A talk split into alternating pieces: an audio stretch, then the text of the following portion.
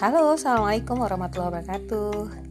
Saya akan berusaha membuat aliran rasa untuk uh, tingkat bunda cekatan di level kupu-kupu pekan pertama ini melalui podcast karena memang keterbatasan saya untuk melakukan ketik, editing terkait dengan uh, gadget juga, maka sepertinya dengan podcast ini atau sekedar rekam suara bisa menyampaikan ide atau bahkan rasa yang akan saya tularkan. Nah, cerita tentang pekan ini kita ditugaskan oleh uh, Majika kita untuk mencari menti terkait dengan hal yang sebenarnya ingin kita pelajari eh maaf mentor kita men, eh, mencari mentor terkait dengan hal yang ingin kita pelajari nah apa yang akan kita pelajari ini sudah ada di peta belajar dan kebetulan di awal awal saya mengikuti perkuliahan Bunda Cekatan peta belajar saya adalah ingin bisa membuat sebuah eh, semacam e-course atau pembelajaran jarak jauh yang memanfaatkan media digital dan juga uh, sudah berisi konten-konten materi.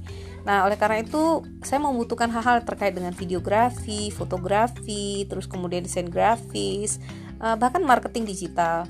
Nah, alhamdulillah kali ini saya ketemu um, mentor Ica yang spesialis terkait dengan konten YouTube ya karena beliau saya lihat channelnya juga bagus. Beliau juga bahkan di beberapa kali sharing materi atau sharing pengalaman bercerita tentang bagaimana mengelola YouTube dan channel gitu ya. Maka saya tertarik untuk menjadi mentinya beliau. Nah alhamdulillah eh, ketika melamar untuk menjadi mentinya beliau ini ada pengalaman yang menarik ya unik. Karena belum pernah nih ketika saya ngelamar mentor gitu ya tapi justru di apa ya istilahnya tuh dikasih challenge di awal gitu. Nah challenge-nya adalah pertama bisa menjelaskan memaparkan apa sebenarnya yang kita cari dalam kegiatan mentorship bersama beliau. Nah beliau juga sudah menyiapkan bahkan semacam questionnaire terdiri dari 10 pertanyaan tentang motivasi, terus kemudian harapan dan juga bahkan resiko, konsekuensi, tantangan yang mungkin akan dihadapi dalam proses program mentorship selama 8 pekan ke depan. Nah, melihat pola bagaimana beliau mencoba mungkin menyeleksi dari sekian banyak uh, calon menti yang mengajukan uh, diri melamar untuk menjadi mentinya beliau, maka beliau sepertinya sangat selektif sekali memilih orang-orang untuk beliau jadikan menti. Maka ini jadi challenge sendiri, jadi tantangan tersendiri bagi saya untuk benar-benar membuktikan bahwa saya layak untuk diajarin gitu ya. Saya kepengen jadi mentinya beliau. Maka tentu saja uh, saya terpaksa memaparkan lebih banyak ya uh, dari biasanya tentang apa yang sebenarnya saya harapkan dalam proses mentorship ini. Nah, alhamdulillah setelah beberapa hari gitu ya dipertimbangkan oleh beliau, akhirnya beliau memutuskan untuk menerima saya menjadi menti beliau. Alhamdulillah, makasih Mbak. And then kemudian yang kedua, saya sebagai mentor dilamar oleh beberapa menti. Nah, untuk menjadi mentor awalnya bingung sih mau mau nge-share apa nih gitu ya, pengalaman apa yang bisa tanda kutip dibimbing. Nah, karena kan mentorship berbeda ya kalau dibandingkan dengan uh, apa namanya memberikan materi untuk kegiatan-kegiatan yang lain. Karena kan kalau yang lain orientasi kita memberi gitu. Sementara mentorship tuh kita tidak memberi dalam bentuk uh, ikan mentah gitu ya. Atau bahkan mungkin sudah jadi ikan panggang tapi justru memberikan pancingan. Bahkan mungkin sekedar menunjukkan cara membuat pancing agar bisa menangkap ikan yang nanti kalau ikannya dapat terserah dia mau diapain. Nah oleh karena itu uh, secara prinsip memang lebih banyak eksplorasi terus kemudian diskusi. Tentu saja ini jadi jadi challenge tersendiri gitu ya. Nah alhamdulillah kita dari diskusi sama suami juga mau share apa ya kira-kira yang mungkin nggak perlu apa namanya tuh uh, mengkaji literatur terlalu banyak atau diskusi yang terlalu mendalam tapi lebih lebih mungkin lebih bermanfaat bagi sebagian besar orang. Akhirnya kita memutuskan untuk berbagi tentang hmm, homeschooling ya mulai dari menyiapkan uh, visi untuk membangun keluarga homeschooler, terus kemudian memilih kurikulum yang tepat, bagaimana menyelenggarakan proses pembelajarannya hingga evaluasi dan bahkan sertifikasi kalau dibutuhkan. Jadi uh, ini kemudian saya share di grup uh, mentorship di FB dan ternyata masya Allah antusiasnya saya sendiri juga akhirnya jadi galau sendiri melihat begitu banyak yang berminat hmm, kalau nggak salah saya total kemarin ada sekitar 23 ya 23 yang mengajukan lamaran. Dan saya jadi nggak tega gitu ya melihat orang-orang yang atau mendengar eh, orang-orang yang mungkin merasa ditolak karena nggak diterima jadi mentor. Akhirnya menunggu waktu menunggu momen yang tepat dan memilih cara yang tepat untuk menerima sebagian dan menolak sebagian. Akhirnya dengan berat hati Uh, saya hanya menerima tiga karena memang itu udah kapasitas maksimalnya cuma tiga orang. Tapi sebenarnya setelah mendengarkan cerita uh, Majika, uh, Majika justru saya jadi berpikir bahwa sepertinya tiga kayaknya banyak ya gitu ya.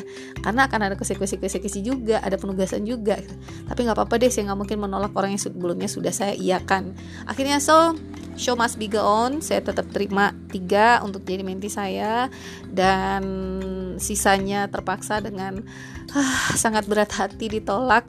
Tapi semoga ini tidak memutuskan ukhuwah dan dan insya Allah saya tetap bersedia untuk membantu meskipun dalam program yang berbeda dan di jalur yang berbeda. Gak ada masalah sharing ilmu sharing pengalaman. Semoga ini jadi uh, kebaikan tersendiri bagi orang lain nah Insya Allah buat teman-teman yang hari ini belum menjadi menti, kita masih akan membuka kesempatan lain ya Insya Allah di lain waktu dan tidak ada salahnya nanti saling berbagi pengalaman, menguatkan sehingga Insya Allah menjadikan kita lebih baik. Oke, ini sedikit cerita tentang uh, prosesku menemukan mentor dan menerima menti. Semoga ini menjadi amal jariah, proses membaikkan diri, membaikkan keluarga dan memperbaiki umat ini. Terima kasih kesempatannya. Assalamualaikum warahmatullahi wabarakatuh.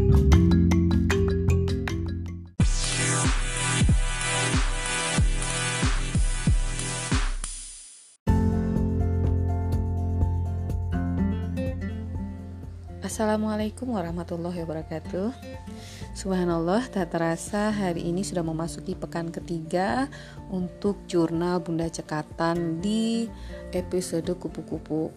Di pekan kemarin pekan kedua saya tidak bisa membuat jurnal karena uh, Allah kita dapat musibah. Salah seorang anggota keluarga besar kita meninggal dunia yaitu saudara kakeknya anak-anak dan prosesi pemakaman terus kemudian ada sedikit uh, prosesi adat istiadat setempat yang mengiringi setelah uh, penyelenggaraan jenazah hingga beberapa hari berikutnya itu membuat uh, kita sekeluarga agak sedikit fokus melayani tamu-tamu yang melayat dan kemudian menyelenggarakan jenazah plus dengan mengikuti event-event bukan event ya apa sih kegiatan uh, seremoni adat gitu ya Nah, oleh karena itu ini pekan ketiga dan kita baru bisa bikin sekarang sehingga di laporan pekan kedua sebelumnya target yang direncanakan itu belum tercapai. Tapi insya Allah ternyata di pekan ketiga ini justru jurnalnya adalah membuat rencana skala prioritas dan uh, solusi apa sih langkah-langkah kegiatan yang akan dilaksanakan. Nah, yang pertama skala prioritas. Dari rencana awal untuk membuat sebuah acres yang direncanakan, ada beberapa kegiatan yang itu memang membutuhkan prioritas dalam mencapai impian membuat acres tersebut. Yang pertama yaitu saya harus belajar videografi, kemudian yang kedua fotografi, yang ketiga desain grafis, empat digital marketing dan yang kelima uh, slide design.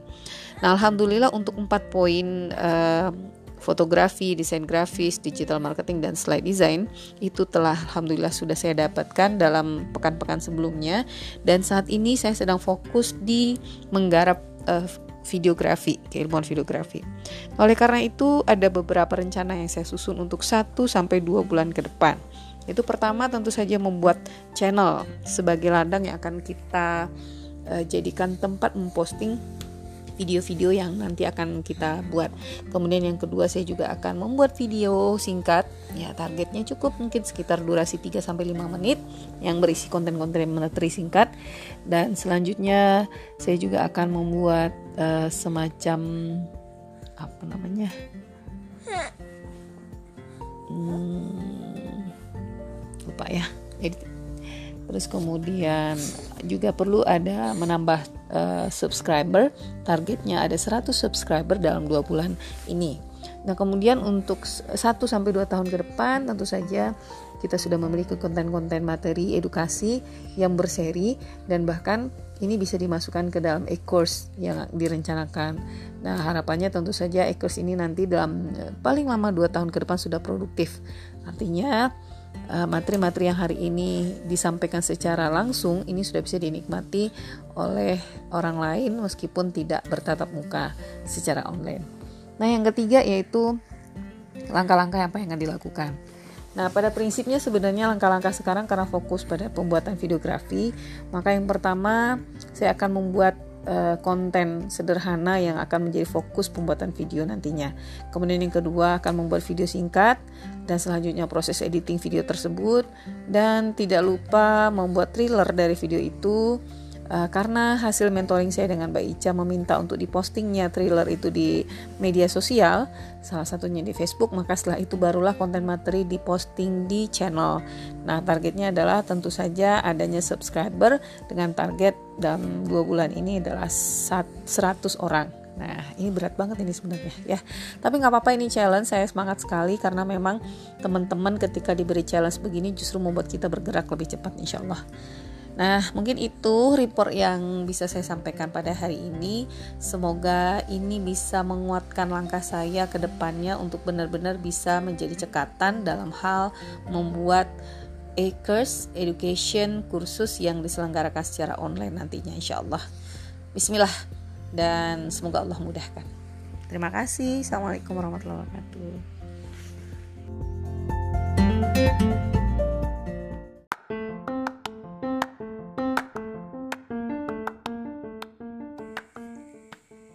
Assalamualaikum warahmatullahi wabarakatuh. Kali ini saya akan bercerita tentang pekan keempat yang telah dilalui pada episode Bunda Cekatan di tahap kupu-kupu kali ini. Alhamdulillah, dari dua menti yang akhirnya menemani hari-hari bersama menjalani program mentoring ini, satu menti sangat aktif karena memang beliau rajin bertanya, bahkan dalam jadwal-jadwal yang sudah ditetapkan, beliau masih menambah di luar jadwal yang sudah ditetapkan itu. Karena merasa bahwa kebutuhannya untuk tahu lebih banyak dan mendiskusikan hal-hal yang sudah difahaminya uh, membutuhkan waktu yang lebih. Sementara satu menti lagi Nah, kadarullah ternyata sakit dan kemudian berlanjut dengan keluarganya yang sakit secara bergantian, sehingga memohon izin untuk tidak aktif dalam pekan ini. Nah, sedangkan saya sendiri sebagai menti berkenan dengan mentor saya, Mbak Ica, hari ini uh, sayanya yang dalam tanda kutip dalam satu pekan ini tidak bisa memenuhi target karena memang kadarullah anak saya sakit dan itu menguras perhatian yang penuh sehingga hari ini malam ini uh, saya belum menyelesaikan tugas yang seharusnya sudah bisa dipenuhi sejak uh, dalam pekan ini bersama mentor Mbak Ica. Mungkin ini yang bisa dilaporkan dan tentu saja kalau ditanya soal perasaan ada sedikit kekecewaan karena memang tidak seperti yang diharapkan dalam ekspektasi sebelumnya. Tapi saya menerima keadaan ini ya ketidakberdayaan sesuatu yang di luar kendali dari diri saya. Dan memang mungkin inilah yang terbaik ya. Kecewa karena memang tidak memenuhi harapan tetapi kekecewaan itu tidak mengurangi semangat. Insya Allah pekan ke depan pekan kelima ini masih akan tetap dilanjutkan. Setidak-tidaknya apa yang telah direncanakan di pekan keempat semoga bisa terwujud di pekan kelima. Bismillah. Terima kasih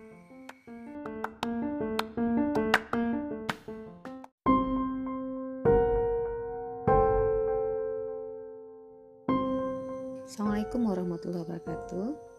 Tak terasa sekarang sudah memasuki pekan kelima dan ya selama lima pekan ini ternyata menjalani sesuatu yang sudah direncanakan tidak semulus yang dibayangkan. Mimpi saya ternyata dalam pekan ini salah satunya tidak bisa dihubungi sama sekali. Saya sudah sempat beberapa kali mencoba menghubungi beliau kontak melalui hmm, messenger tapi ternyata beliau tidak respon. Informasi terakhir, beliau hanya mengabarkan bahwa kondisi salah satu anggota keluarga beliau dalam keadaan sakit. Tapi nggak apa-apa, saya berhusnuzon. Mungkin beliau masih sangat uh, sibuk, fokus untuk memberikan layanan terbaik buat anggota keluarga yang sakit. Doa saya semoga yang sakit semoga Allah pulihkan dan tanpa bekas sehingga beban yang selama ini dirasakan sang mimpi itu bisa segera hilang dan yang kedua menti kedua uh, alhamdulillah kita tetap berkomunikasi dan beliau mengakui bahwa salah satu kendala yang hari ini beliau hadapi adalah terkait manajemen waktu. Sehingga kesulitan untuk mengelola anak-anak untuk program homeschoolingnya gitu ya itu terkendala dengan tugas-tugas rumah tanggaan yang harus dijalaninya. Sementara sang suami hanya hadir di rumah kembali setelah pada maghrib. Sehingga beliau merasa berjuang sendiri tapi nggak apa-apa ya sebenarnya usahanya sudah menunjukkan bahwa dia telah melakukan sesuatu. Hanya saja mungkin belum sesempurna yang dibayangkan. Tinggal istiqomah saja sih insya Allah. Dan saya percaya itu bisa. Nah sedangkan pengalamanku sebagai menti terkait dengan mentorku sebenarnya mentorku sudah memberikan motivasi yang bagus eh, bahkan petunjuk-petunjuk yang sudah sangat jelas detail. Tapi nggak tahu kenapa mood saya mudah terganggu karena dalam proses pembuatan rekaman video itu benar-benar butuh suasana banget dan bukan hanya suasana di luar diri kita termasuk juga suasana hati. Bayangkan kita ngerekam sesuatu yang awalnya hanya ada dalam pikiran dan kemudian dilisankan tapi kemudian direkam. Nah kadang ketika lagi good mood bahannya bagus nih. Yang mau diomongin udah tahu. Kemudian kita juga udah bikin uh, apa namanya lainnya kita sudah bikin skripnya tapi ternyata ketika rekaman suaranya ternyata nggak masuk atau suaranya kecil banget atau suaranya masuk tapi noisy berisik. Dan begitu juga ketika rekaman gambar ternyata gambarnya burem pencahayaannya nggak cukup pindah lokasi backgroundnya nggak bagus. Aduh itu bikin bete banget sehingga hmm, meskipun saya sudah mencoba beberapa kali rekaman tapi tidak ada satupun yang membuat saya pede untuk diposting di YouTube. So saya curhat sama mentor tapi alhamdulillah beliau memahami dan uh, beliau menyatakan akan memberikan surat cinta. Saya percaya bahwa mungkin pengalaman yang saya alami juga dialami oleh mentor saya sebelumnya, sehingga beliau merasakan apa yang saya rasakan. Tapi mudah-mudahan ini nggak lama, harus ada segera perbaikan dan tentu saja harus tetap move on, bergerak dari sesuatu yang sebelumnya mungkin belum produktif belum seperti yang diinginkan tapi insya Allah bergerak menuju sesuatu yang lebih baik lagi ke depannya. Insya Allah mohon doanya aja. Terima kasih.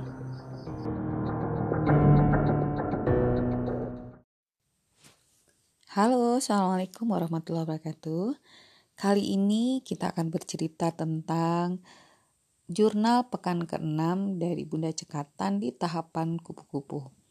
Wah keren ya, seperti biasa, setiap Senin selalu diberikan informasi terbaru tentang uh, apa yang akan dituliskan atau dilaporkan pada jurnal dalam satu pekan ini. Nah, kadarullah uh, Senin kemarin saya sedang ada acara sehingga nyaris full day sehingga saya belum bisa membuka materi yang biasa di-share di Facebook group uh, hutan kupu-kupu sehingga memang hari Senin itu tidak ada apa pun yang bisa saya laporkan sama sekali. Sementara di hari Selasa, saya baru bisa buka itu di sore hari sehingga sambil menikmati video yang disampaikan oleh uh, peri hutan Ikik dan juga sambil mempelajari uh, mekanismenya dengan melihat memperhatikan pertanyaan-pertanyaan yang masuk dan bagaimana menyikapinya. Dan hari itu juga saya langsung dicat oleh mentor yang keren, Mbak Ica, terkait tentang penugasan tersebut dan kita langsung diskusikan hasilnya di WA group. Nah, apa yang bisa saya laporkan? Di hari Selasa tersebut saya seolah-olah memvisualisasikan diri saya seperti seorang pelari. Kenapa?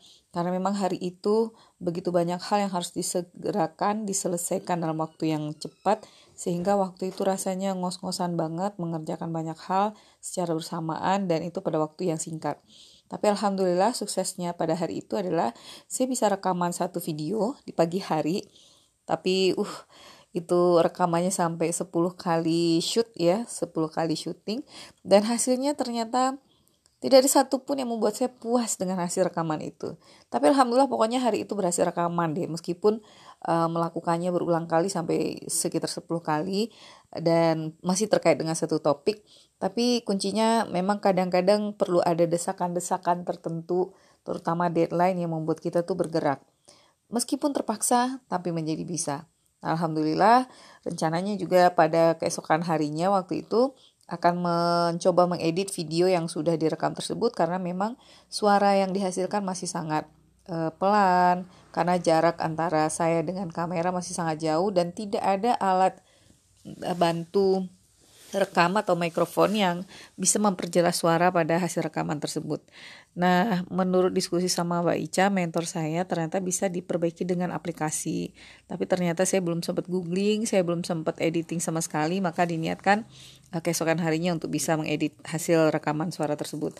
Kemudian pada hari Rabunya, Nah, saya juga deadline sekali lagi sehingga saya merasakan bahwa hari itu tuh tiba-tiba seperti kayak gurita, punya banyak tangan, yang mengerjakan banyak hal sekaligus karena memang saya sedang menyiapkan pada hari Rabu itu uh, empat materi untuk empat kegiatan yang akan diselenggarakan pada hari Kamis besoknya. Jadi ada rapat yang itu juga ada laporan rapat nasional dari kantor dan itu juga harus ada laporan yang perlu dibuat. Terus kemudian ada juga rapat tim PKK tingkat kabupaten yang itu juga ada dari Pokja saya yang juga harus dilaporkan. Terus kemudian ada materi bersama uh, santri di pondok pesantren Ashabul Quran. Dan materi itu juga dibuat dalam bentuk PowerPoint dan juga ada videonya tentang rencananya sih tentang apa namanya tuh pertumbuhan manusia waktu itu sehingga ada sebuah video singkat yang bisa menggambarkan tentang apa sih esensinya hidup kita di dunia ini gitu. Nah, itu juga perlu dibuat dan terakhir sorenya bersama ibu-ibu Dharma Wanita Kota Payakumbuh. Nah, ini juga menyiapkan materi. Jadi hari Rabu itu saya benar-benar uh, melakukan aktivitas yang banyak sambil menyiapkan tugas, sambil mengerjakan pekerjaan rumah, sambil ngelonin bayi gitu ya sambil ngontrol para homeschooler untuk tetap konsisten mengerjakan apa yang seharusnya mereka lakukan di hari itu. Nah hasilnya, alhamdulillah banyak hal yang bisa dilakukan dan saya bahagia bisa melakukan banyak hal tersebut sampai tuntas. Alhamdulillah dan kuncinya karena memang ya sekali lagi sepertinya memang desakan kebutuhan atau desakan dari orang-orang sekitar itu membuat saya bisa melakukan banyak hal pada saat yang bersamaan. Nah, untuk besok hmm, saya akan mencoba menyelesaikan materi slide di pagi hari yang memang mungkin tidak akan terkejarkan di hari ini karena slide itu juga cukup panjang dan juga sambil menyiapkan uh, desain dari video yang akan dibuat untuk keesokan hari tersebut. Nah, tentu saja siap-siap presentasinya plus dengan video artinya hasil slide plus dengan video itu sudah dalam bentuk presentasi lengkap. Nah, itu yang direncanakan untuk hari Kamis. Dan alhamdulillah di hari Kamis Semuanya berjalan sukses. Uh, saya seperti slide proyektor yang menampilkan semua yang sudah ada di laptop sebenarnya gitu ya dan bisa dilihat oleh orang lain, bisa didengarkan oleh orang lain, bisa dinikmati oleh orang lain dan saat itu saya menjadi uh, proyektornya gitu mem mempresentasikan apa yang ada di dalam laptop untuk bisa difahami oleh orang-orang di luar sana. Dan ini kadang-kadang membuat saya berpikir ulang tentang hmm, apa yang sebenarnya menjadi kesuksesan saya. Apakah ketika hanya sampai bisa menyampaikan materi ini gitu ya dalam bentuk mungkin media berupa gambar atau medianya berupa slide. Tapi apakah kebahagiaan itu sebenarnya ketika menyadari bahwa ini insya Allah bernilai pahala di sisi Allah. Sebenarnya ada atau tanpa media Allah tetap akan mencatatnya ini sebuah ibadah soleh, amal soleh karena menjadi bagian dari orang-orang yang menyampaikan kebenaran yang seharusnya disampaikan. Ya itu deh ya. Ini idealnya. Dan lanjut di hari Jumat. Nah Alhamdulillah saat di hari Jumat saya seperti menjadi nampan. Hmm. nampan ya nampan nampan untuk menghidangkan sesuatu ya. Biasanya untuk menghidangkan air minum buat tamu atau kue-kue buat tamu. Karena memang hari itu dan di dua hari berikutnya saya sedang menerima tamu dari keluarga besar dari Aceh. Dan tentu saja ini menyita perhatian saya dan aktivitas saya karena memang akhirnya yang direncanakan di hari Kamis kemarin untuk bisa menyelesaikan uh, editing video ya salah satunya ternyata itu benar-benar ditunda. Karena memang agenda ini datang mendadak tamunya bahkan bikin kejutan tidak berkabar sama sekali. Sehingga memang semua agenda berhenti total dan berubah dengan sesuatu yang belum sempat direncanakan sebelumnya. Jadi di hari Kamis itu dan di hari Jumat saya full mencoba memberikan layanan terbaik buat tamu-tamu istimewa dari keluarga besar uh, di Aceh. Dan ya akhirnya alhamdulillah yang direncanakan mungkin memang tidak sepenuhnya bisa dijalankan di hari Kamis dan di hari Jumat, tapi saya puas karena memang kebahagiaan hari ini adalah ketika bisa memberikan yang terbaik buat para tamu. Dan kenapa bisa seperti itu ya? Karena memang ini juga tuntutannya jelas ya. Barang siapa yang memuliakan tamu atau memuliakan tamu-tamunya ya, maka Allah akan memberikan kemuliaan juga buat dirinya insya Allah. Dan semoga ini didapatkan ya, amin. Di hari Sabtu, nah ini kemarin sebenarnya tamunya baru pulang di pagi hari.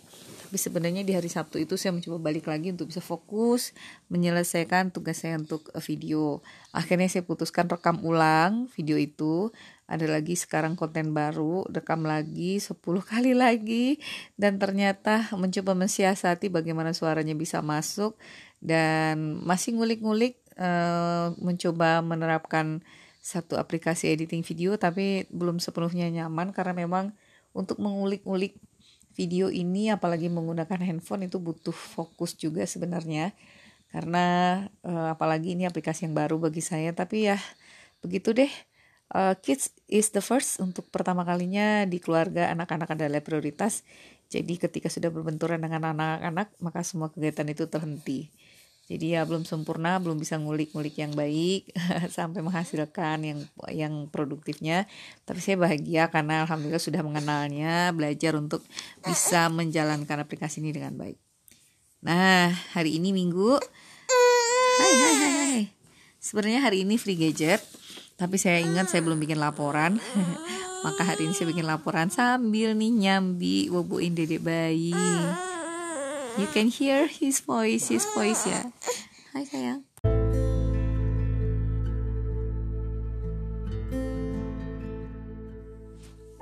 Halo, Assalamualaikum warahmatullahi wabarakatuh Kali ini kita akan bercerita tentang Jurnal pekan ke-6 dari Bunda Cekatan di tahapan kupu-kupu Wah keren ya Seperti biasa, setiap Senin selalu diberikan informasi terbaru tentang apa yang akan dituliskan atau dilaporkan pada jurnal dalam satu pekan ini.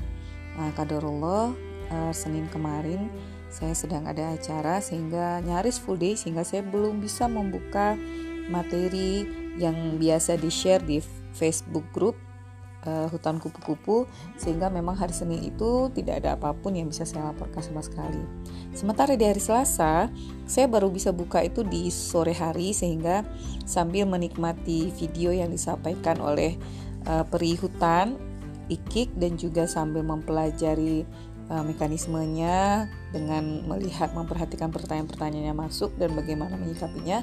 Dan hari itu juga saya langsung dicat oleh mentor yang keren, Mbak Ica, terkait tentang penugasan tersebut dan kita langsung diskusikan hasilnya di WA group.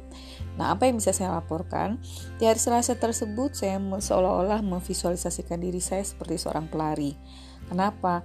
Karena memang hari itu begitu banyak hal yang harus disegerakan, diselesaikan dalam waktu yang cepat sehingga waktu itu rasanya ngos-ngosan banget mengerjakan banyak hal secara bersamaan dan itu pada waktu yang singkat. Tapi alhamdulillah suksesnya pada hari itu adalah saya bisa rekaman satu video di pagi hari. Tapi uh itu rekamannya sampai 10 kali shoot ya, 10 kali syuting dan hasilnya ternyata tidak ada satupun yang membuat saya puas dengan hasil rekaman itu. Tapi alhamdulillah pokoknya hari itu berhasil rekaman deh meskipun uh, melakukannya berulang kali sampai sekitar 10 kali dan masih terkait dengan satu topik. Tapi kuncinya memang kadang-kadang perlu ada desakan-desakan tertentu terutama deadline yang membuat kita tuh bergerak. Meskipun terpaksa tapi menjadi bisa. Alhamdulillah rencananya juga pada keesokan harinya waktu itu akan mencoba mengedit video yang sudah direkam tersebut karena memang suara yang dihasilkan masih sangat uh, pelan karena jarak antara saya dengan kamera masih sangat jauh dan tidak ada alat bantu rekam atau mikrofon yang bisa memperjelas suara pada hasil rekaman tersebut. Nah, menurut diskusi sama Mbak Ica, mentor saya ternyata bisa diperbaiki dengan aplikasi. Tapi ternyata saya belum sempat googling, saya belum sempat editing sama sekali, maka diniatkan uh, keesokan harinya untuk bisa mengedit hasil rekaman suara tersebut. Kemudian pada hari Rabunya, Nah, saya juga deadline sekali lagi sehingga saya merasakan bahwa hari itu tuh tiba-tiba seperti kayak gurita, punya banyak tangan yang mengerjakan banyak hal sekaligus karena memang saya sedang menyiapkan pada hari Rabu itu uh, empat materi untuk empat kegiatan yang akan diselenggarakan pada hari Kamis besoknya. Jadi ada rapat yang itu juga ada laporan rapat nasional dari kantor dan itu juga harus ada laporan yang perlu dibuat. Terus kemudian ada juga rapat tim PKK tingkat kabupaten yang itu juga ada dari Pokjasa yang juga harus dilaporkan. Terus kemudian ada materi bersama uh, santri di pondok pesantren Ashabul Quran. Dan materi itu juga dibuat dalam bentuk PowerPoint dan juga ada videonya tentang rencananya sih tentang apa namanya tuh pertumbuhan manusia waktu itu sehingga ada sebuah video singkat yang bisa menggambarkan tentang apa sih esensinya hidup kita di dunia ini gitu. Nah, itu juga perlu dibuat dan terakhir sorenya bersama ibu-ibu Dharma Wanita Kota Payakumbuh. Nah, ini juga menyiapkan materi. Jadi hari Rabu itu saya benar-benar uh, melakukan aktivitas yang banyak sambil menyiapkan tugas, sambil mengerjakan pekerjaan rumah, sambil ngelonin bayi gitu ya. Sambil ngontrol para homeschooler untuk tetap konsisten mengerjakan apa yang seharusnya mereka lakukan di hari itu. Nah, hasilnya alhamdulillah banyak hal yang bisa dilakukan dan saya bahagia bisa melakukan banyak hal tersebut sampai tuntas. Alhamdulillah dan kuncinya karena memang ya sekali lagi sepertinya memang desakan kebutuhan atau desakan dari orang-orang sekitar itu membuat saya bisa melakukan banyak hal pada saat yang bersamaan. Nah, untuk besok hmm, saya akan mencoba menyelesaikan materi slide di pagi hari yang memang mungkin tidak akan terkejarkan di hari ini karena slide itu juga cukup panjang dan juga saya menyiapkan uh, desain dari video yang akan dibuat untuk keesokan hari tersebut. Nah, tentu saja siap-siap presentasinya plus dengan video artinya hasil slide plus dengan video itu sudah dalam bentuk presentasi lengkap. Nah, itu yang direncanakan untuk hari Kamis. Dan alhamdulillah di hari Kamis semuanya berjalan sukses. Uh, saya seperti slide proyektor yang menampilkan semua yang sudah ada di laptop sebenarnya gitu ya dan bisa dilihat oleh orang lain, bisa didengarkan oleh orang lain, bisa dinikmati oleh orang lain dan saat itu saya menjadi uh, proyektornya gitu, mem mempresentasikan apa yang ada di dalam laptop untuk bisa difahami oleh orang-orang di luar sana. Dan ini kadang-kadang membuat saya berpikir ulang tentang hmm, apa yang sebenarnya menjadi kesuksesan saya. Apakah ketika hanya sampai bisa menyampaikan materi ini gitu ya dalam bentuk mungkin media berupa gambar atau medianya berupa slide tapi apakah kebahagiaan itu sebenarnya ketika menyadari bahwa ini insya Allah bernilai pahala di sisi Allah? Sebenarnya ada atau tanpa media Allah tetap akan mencatatnya. Ini sebuah ibadah soleh amal soleh karena menjadi bagian dari orang-orang yang menyampaikan kebenaran yang seharusnya disampaikan ya, itu deh ya ini idealnya dan lanjut di hari Jumat nah Alhamdulillah saat di hari Jumat saya seperti menjadi nampan. Hmm. Nampan ya nampan. Nampan untuk menghidangkan sesuatu ya biasanya untuk menghidangkan air minum buat tamu atau kue-kue buat tamu. Karena memang hari itu dan di dua hari berikutnya saya sedang menerima tamu dari keluarga besar dari Aceh. Dan tentu saja ini menyita perhatian saya dan aktivitas saya karena memang akhirnya yang direncanakan di hari Kamis kemarin untuk bisa menyelesaikan uh, editing video ya salah satunya ternyata itu benar-benar ditunda. Karena memang agenda ini datang mendadak tamunya bahkan bikin kejutan tidak berkabar sama sekali. Sehingga memang semua agenda berhenti total dan berubah dengan sesuatu yang belum sempat direncanakan sebelumnya. Jadi di hari Kamis itu dan di hari Jumat saya full mencoba memberikan layanan terbaik buat tamu-tamu istimewa dari keluarga besar uh, di Aceh. Dan ya akhirnya alhamdulillah yang direncanakan mungkin memang tidak sepenuhnya bisa dijalankan di hari Kamis dan di hari Jumat tapi saya puas karena memang kebahagiaan hari ini adalah ketika bisa memberikan yang terbaik buat para tamu. Dan kenapa bisa seperti itu? Ya karena memang ini juga tuntutannya jelas. Ya barang siapa yang memuliakan tamu atau memuliakan tamu-tamunya ya maka Allah akan memberikan kemuliaan juga buat dirinya insya Allah. Dan semoga ini didapatkan ya. Amin. Di hari Sabtu Nah, ini kemarin sebenarnya tamunya baru pulang di pagi hari. Tapi sebenarnya di hari Sabtu itu saya mencoba balik lagi untuk bisa fokus menyelesaikan tugas saya untuk eh, video. Akhirnya saya putuskan rekam ulang video itu. Ada lagi sekarang konten baru, rekam lagi 10 kali lagi dan ternyata mencoba mensiasati bagaimana suaranya bisa masuk dan masih ngulik-ngulik uh, mencoba menerapkan satu aplikasi editing video tapi belum sepenuhnya nyaman karena memang untuk mengulik-ulik video ini apalagi menggunakan handphone itu butuh fokus juga sebenarnya. Karena uh, apalagi ini aplikasi yang baru bagi saya tapi ya begitu deh. Uh, kids is the first untuk pertama kalinya di keluarga anak-anak adalah prioritas. Jadi ketika sudah berbenturan dengan anak-anak maka semua kegiatan itu terhenti jadi ya belum sempurna belum bisa ngulik-ngulik yang baik sampai menghasilkan yang yang produktifnya.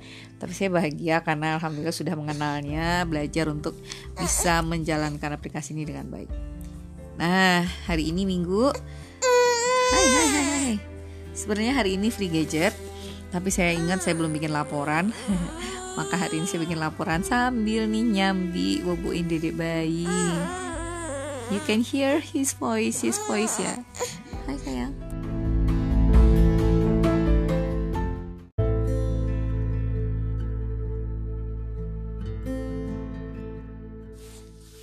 Halo, Assalamualaikum warahmatullahi wabarakatuh Tak terasa pekan kali ini adalah pekan terakhir dari pengumpulan jurnal di sesi Bunda Cekatan di hutan kupu-kupu.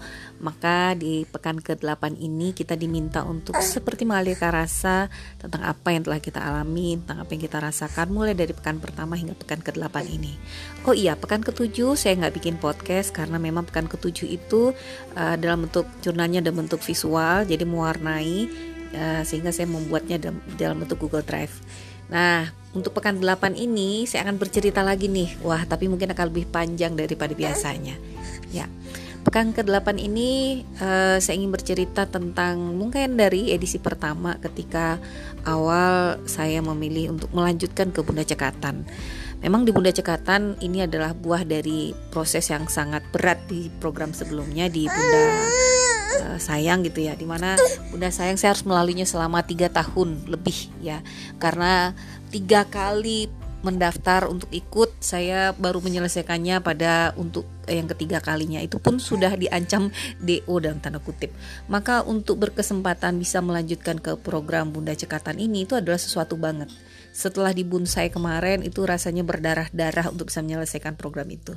Nah, masuk ke program Bunda Cekatan, saya merasakan begitu banyak challenge, begitu banyak tantangan dan saya juga menyadari bahwa kondisinya mungkin tidak jauh berbeda ketika saya menjalani program Bunda Sayang di mana saya juga hamil, kemudian menyusui, diikuti dengan masa pandemi gitu ya.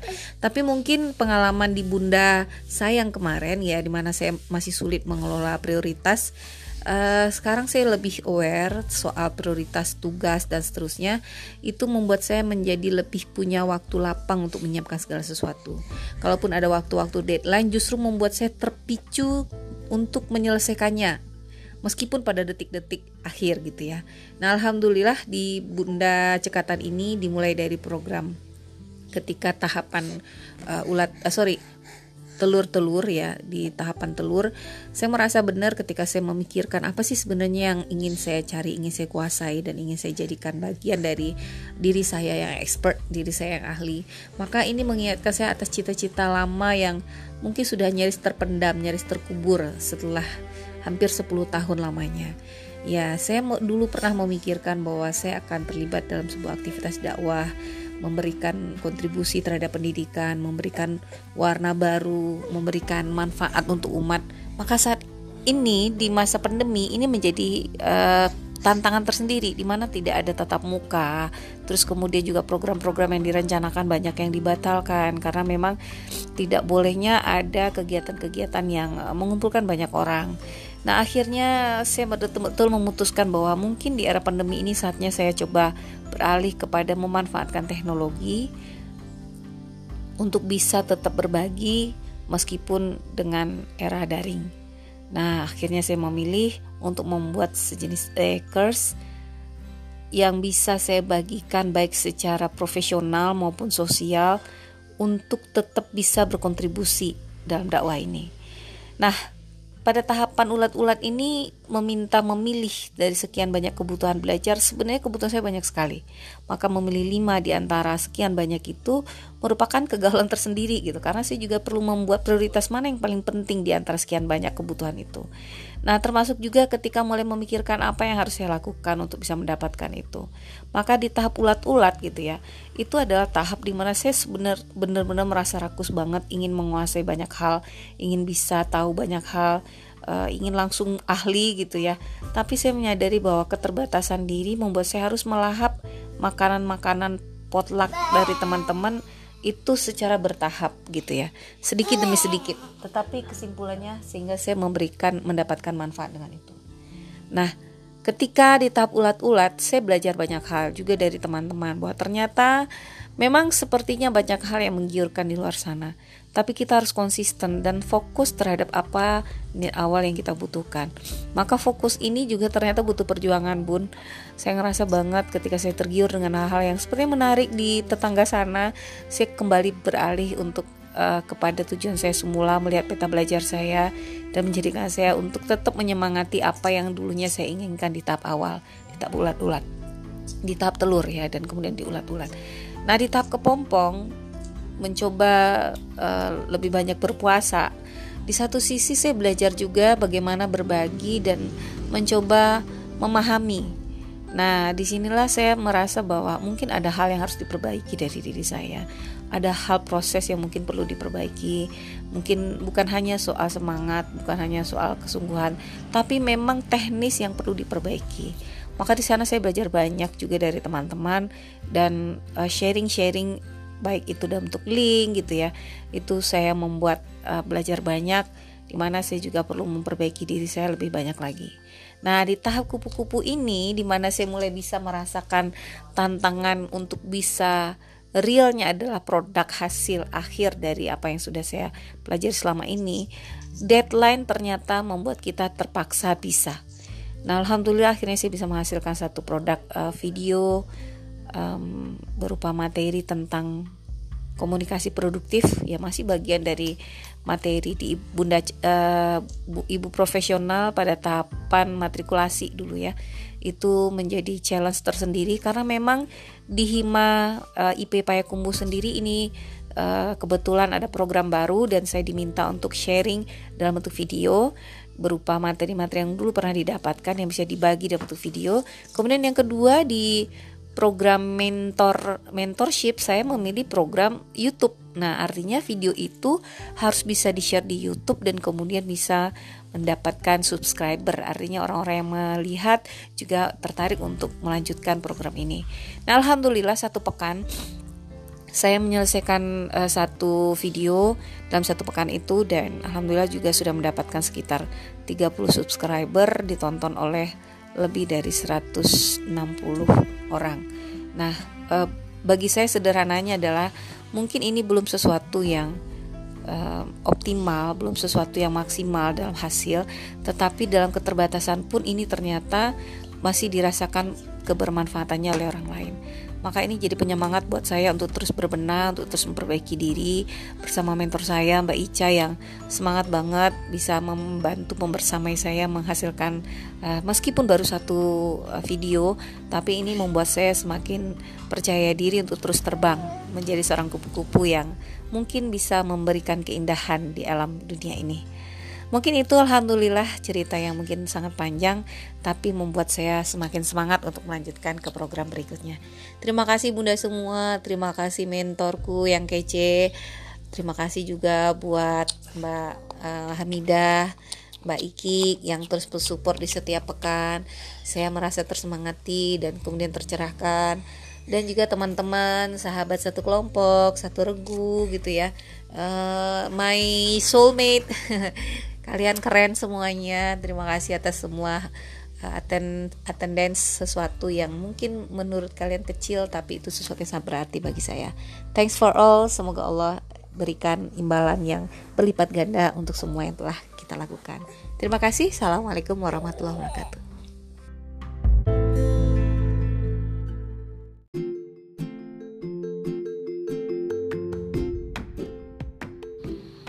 Halo warga Hexagonia, Assalamualaikum warahmatullahi wabarakatuh. Senang sekali bisa berkunjung di klaster ini. Sebelumnya perkenalkan saya Novi dari klaster Nusantara, tepatnya lagi dari Gria Karuh nomor satu. Hari ini hadir berkunjung ke klasternya teman-teman dalam rangka bersilaturahim, menjalin ukhuwah, semoga menjadi bagian dari ibadah. Nah, teman-teman, hari ini saya ingin bercerita sedikit tentang mungkin dimulai dari diri saya. Seperti di kurikulum vitae yang telah saya berikan, saya adalah seorang ibu rumah tangga dengan tujuh anak yang hari ini semuanya homeschooler.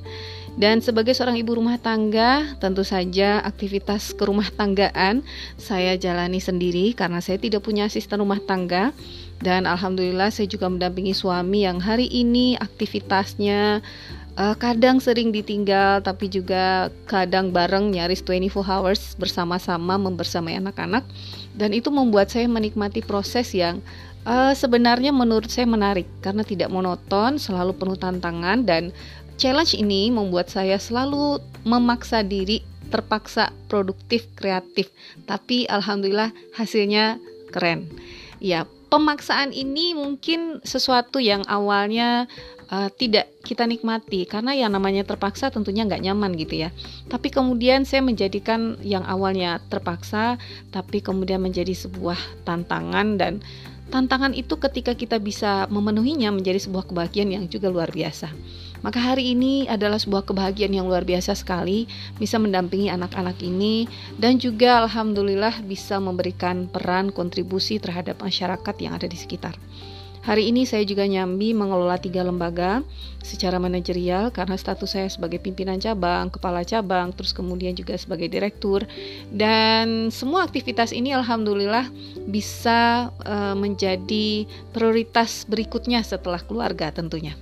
Nah, alhamdulillah juga hari ini saya diberi kesempatan untuk bisa terlibat secara aktif dalam kegiatan sosial kemasyarakatan seperti di beberapa asosiasi atau aliansi perempuan atau bahkan uh, organisasi-organisasi keperempuanan yang saya merasa bahwa aktivitas kemasyarakatan ini justru membuka mata saya untuk berbuat lebih banyak lagi jadi memang semakin banyak berbuat saya merasa bahwa semakin banyak yang seharusnya kita bisa lakukan. Karena ternyata di luar sana banyak orang butuh kita. Maka Bunda hadir di Hexagonia ini membuat saya membuka mata bahwa ini adalah sebuah wadah yang luar biasa, keren banget bertemu dengan orang-orang yang luar biasa, punya passion dan punya jiwa yang bahkan saya melihat bahwa mereka adalah orang-orang yang sudah berkiprah banyak di luar sana, tapi juga ada yang secara tertatih-tatih membenahi diri dan keluarga, tetapi sesuatu yang luar biasa ketika sampai hari ini kita bisa masih bisa bertahan. Nah, oleh karena itu eh, pada kesempatan kali ini menjadi seorang leader city, city leader adalah sebuah tantangan baru karena memang untuk menjadi sebuah leader di kota virtual tentunya berbeda secara manajerial ya dibandingkan dengan ketika kita bertatap muka, bertemu langsung, bisa ngobrol. Dan hari ini ya alhamdulillah di satu sisi sambil membersamai anak-anak kita tetap bisa memberikan peran kontribusi yang aktif insya Allah dan juga produktif ya solutif dan butuh kreativitas yang terus menerus selalu diperbaharui dan ini membuat saya nyaman menemani bunda semua. Oke mungkin itu sedikit dari saya Bunda dan insya Allah setelah ini kita bisa diskusi deh selanjutnya. Ya, sampai kita lanjutkan di diskusi berikutnya. Assalamualaikum.